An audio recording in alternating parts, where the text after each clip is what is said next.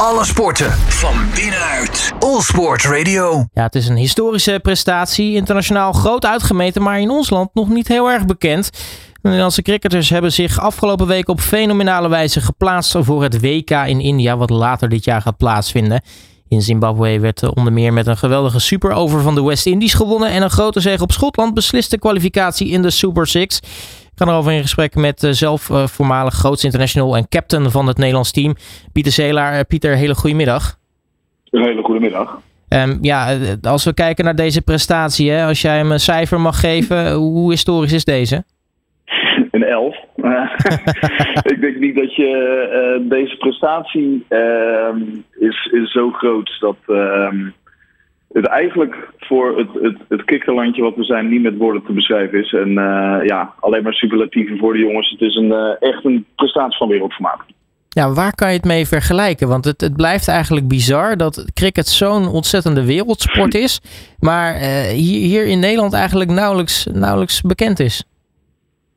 Uh, ja, dat klopt. Uh, dat, dat is helaas uh, niet echt heel veel veranderd. Dit is wel weer een van de mogelijkheden dat je eigenlijk zou kunnen zeggen van ja, je hebt nu een hele mooie basis om, om cricket te gaan promoten. Omdat Nederland zich heeft gekwalificeerd voor beide WK's. Niet alleen voor het 5 grote WK van later dit jaar, maar ook van het 2020 WK volgend jaar. Want ze hadden, ehm, het is het eind 22, hebben ze zo goed gepresteerd op het WK dat ze zich automatisch daarvoor hebben gekwalificeerd. Dus uiteindelijk zou je daarmee moeten zeggen: cricket zit in de lift. En uh, het is nu eigenlijk, uh, denk ik, zaak dat het grotere publiek in Nederland uh, echt kennis gaat maken met Nederland. Omdat we nu gewoon op eindtoernooien actief zijn. En, en gewoon eigenlijk bij, bij, bij de beste top 10 landen in de wereld horen.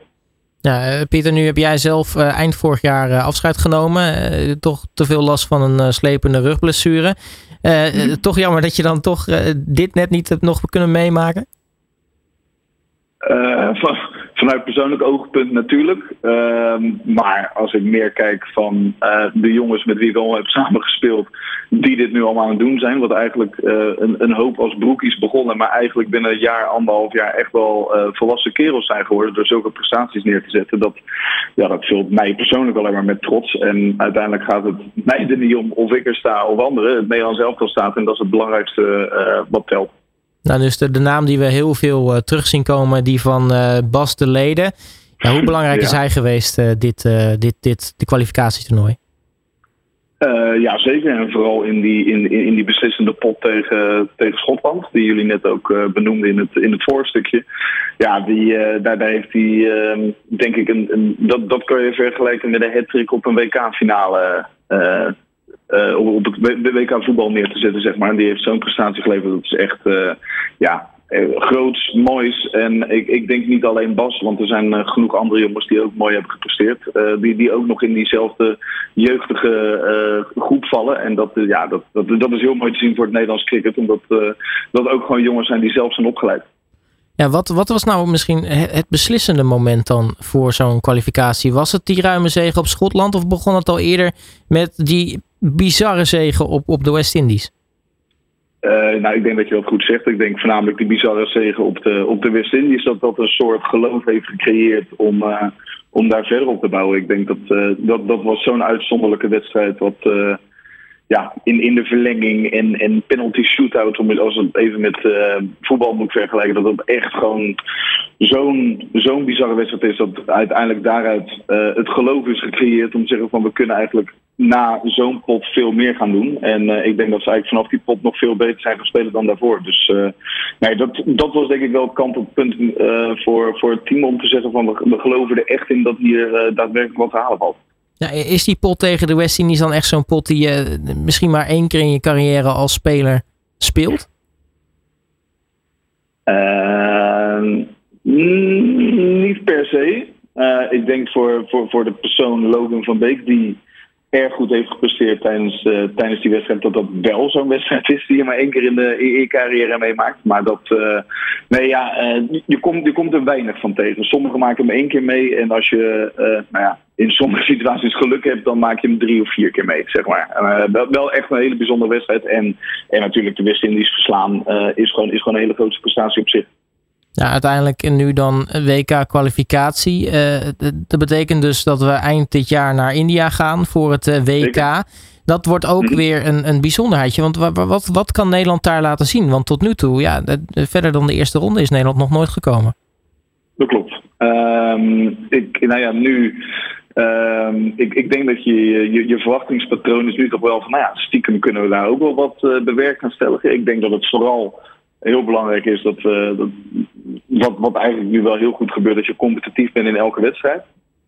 En, en nou ja, zoals je ziet aan de West-Indies, eh, als je de wedstrijd eh, ehm, close kan maken, dus zorgen dat je gewoon dicht in de buurt komt, dan, dan, ook, ook de grote teams raken in de stress.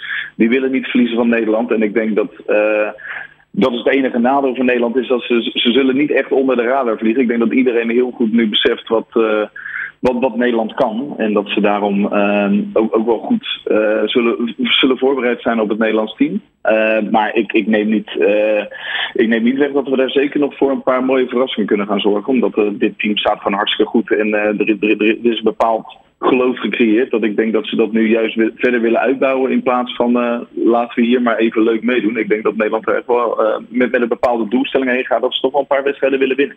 Welke landen daar acht je dan het meeste kans daartegen? Want eh, nou ja, het begint natuurlijk met de groepsfase, dat, dat WK. De beste vier gaan naar de halve finales. Maar je speelt in principe sowieso negen wedstrijden. één, één wedstrijd tegen elke andere ploeg in, eh, op dat WK. Klopt, ja. Ehm, nou, als je puur kijkt naar, naar, naar de ranglijst, zeg maar, dan zijn eh, de, de, je, eerste directe concurrenten zullen toch, nou, Sri Lanka, die, die waren ook bij dit toernooi aanwezig natuurlijk. Nou, die hebben daar wel eh, duidelijk laten zien dat ze de, de beste van het toernooi waren. Eh, en, en Bangladesh en Afghanistan zijn denk ik de, eerste die in het vizier liggen om, om te gaan verslaan. Maar ja, je moet er ook natuurlijk rekening mee houden dat, wat je al zei, je speelt negen wedstrijden. Dat zijn er redelijk veel. Ik bedoel, we, we hebben geen slecht, ehm, slechte, slechte wedstrijden gespeeld tegen Engeland bijvoorbeeld op een WK. Dus daar kan altijd nog wel een verrassingje in zitten. Ehm, maar ja, ik, ik, de, ik zou voornamelijk zeggen eh, Sri Lanka, eh, Bangladesh en Afghanistan zijn je, je wedstrijden waar je denk ik het meeste kan bewerkstelligen. Eh, maar dat neemt niet weg dat je ook bij de andere wedstrijden natuurlijk wel voor een mooie verrassing kan zorgen. Nou, in ieder geval is het, zou het winnen van een aantal wedstrijden al denk ik een hele mooie opsteker zijn, toch? Realistisch gezien. Dat, dat, dat is sowieso heel mooi. Eh, je moet ook niet te, te hoog van de toren blazen. Maar ik denk dat eh, het voornamelijk is dat er, er, liggen mogelijkheden. En ik denk dat eigenlijk, ehm, wat, wat zo'n mooi cliché is eigenlijk wel in de sport, elke wedstrijd als een finale beschouwd kan worden. Omdat elke wedstrijd eh, wat, wat meer op zichzelf staat. Maar ja, ik, ik, ik denk dat Nederland alle negen wedstrijden gaat gewoon proberen om, om te winnen. En ik denk zeker dat er een mogelijkheid ligt om daar zeker wel twee of drie wedstrijden van te kunnen winnen. Nou, tot slot, heb jij je, tickets naar India al geboekt of ga je met lekker thuis vanaf de bank bekijken? Eh, nee, die heb ik nog zeker niet geboekt. Ik denk dat ik liever voor de, voor de buis eh, ga kijken dan dat ik daarheen ga. En dat heeft ook meer te maken dat ik gewoon aan het werk ben. Dus dat, maar nee, ik ga, ik ga er niet heen. Ik ga lekker op afstand kijken. Dat, dat bevalt hartstikke goed en, en ze doen het hartstikke goed. Dus ik denk dat ik het gewoon lekker vanuit, vanuit Nederland ga bekijken. Precies, ook lekker gewoon met een biertje op voor de buis. Pieter Zelaar, mag ik je hartelijk danken voor je tijd. En eh spreek natuurlijk eh, zeker richting dat WK weer. Helemaal goed. Hele fijne uitzending nog. Alle sporten van binnenuit. All Sport Radio.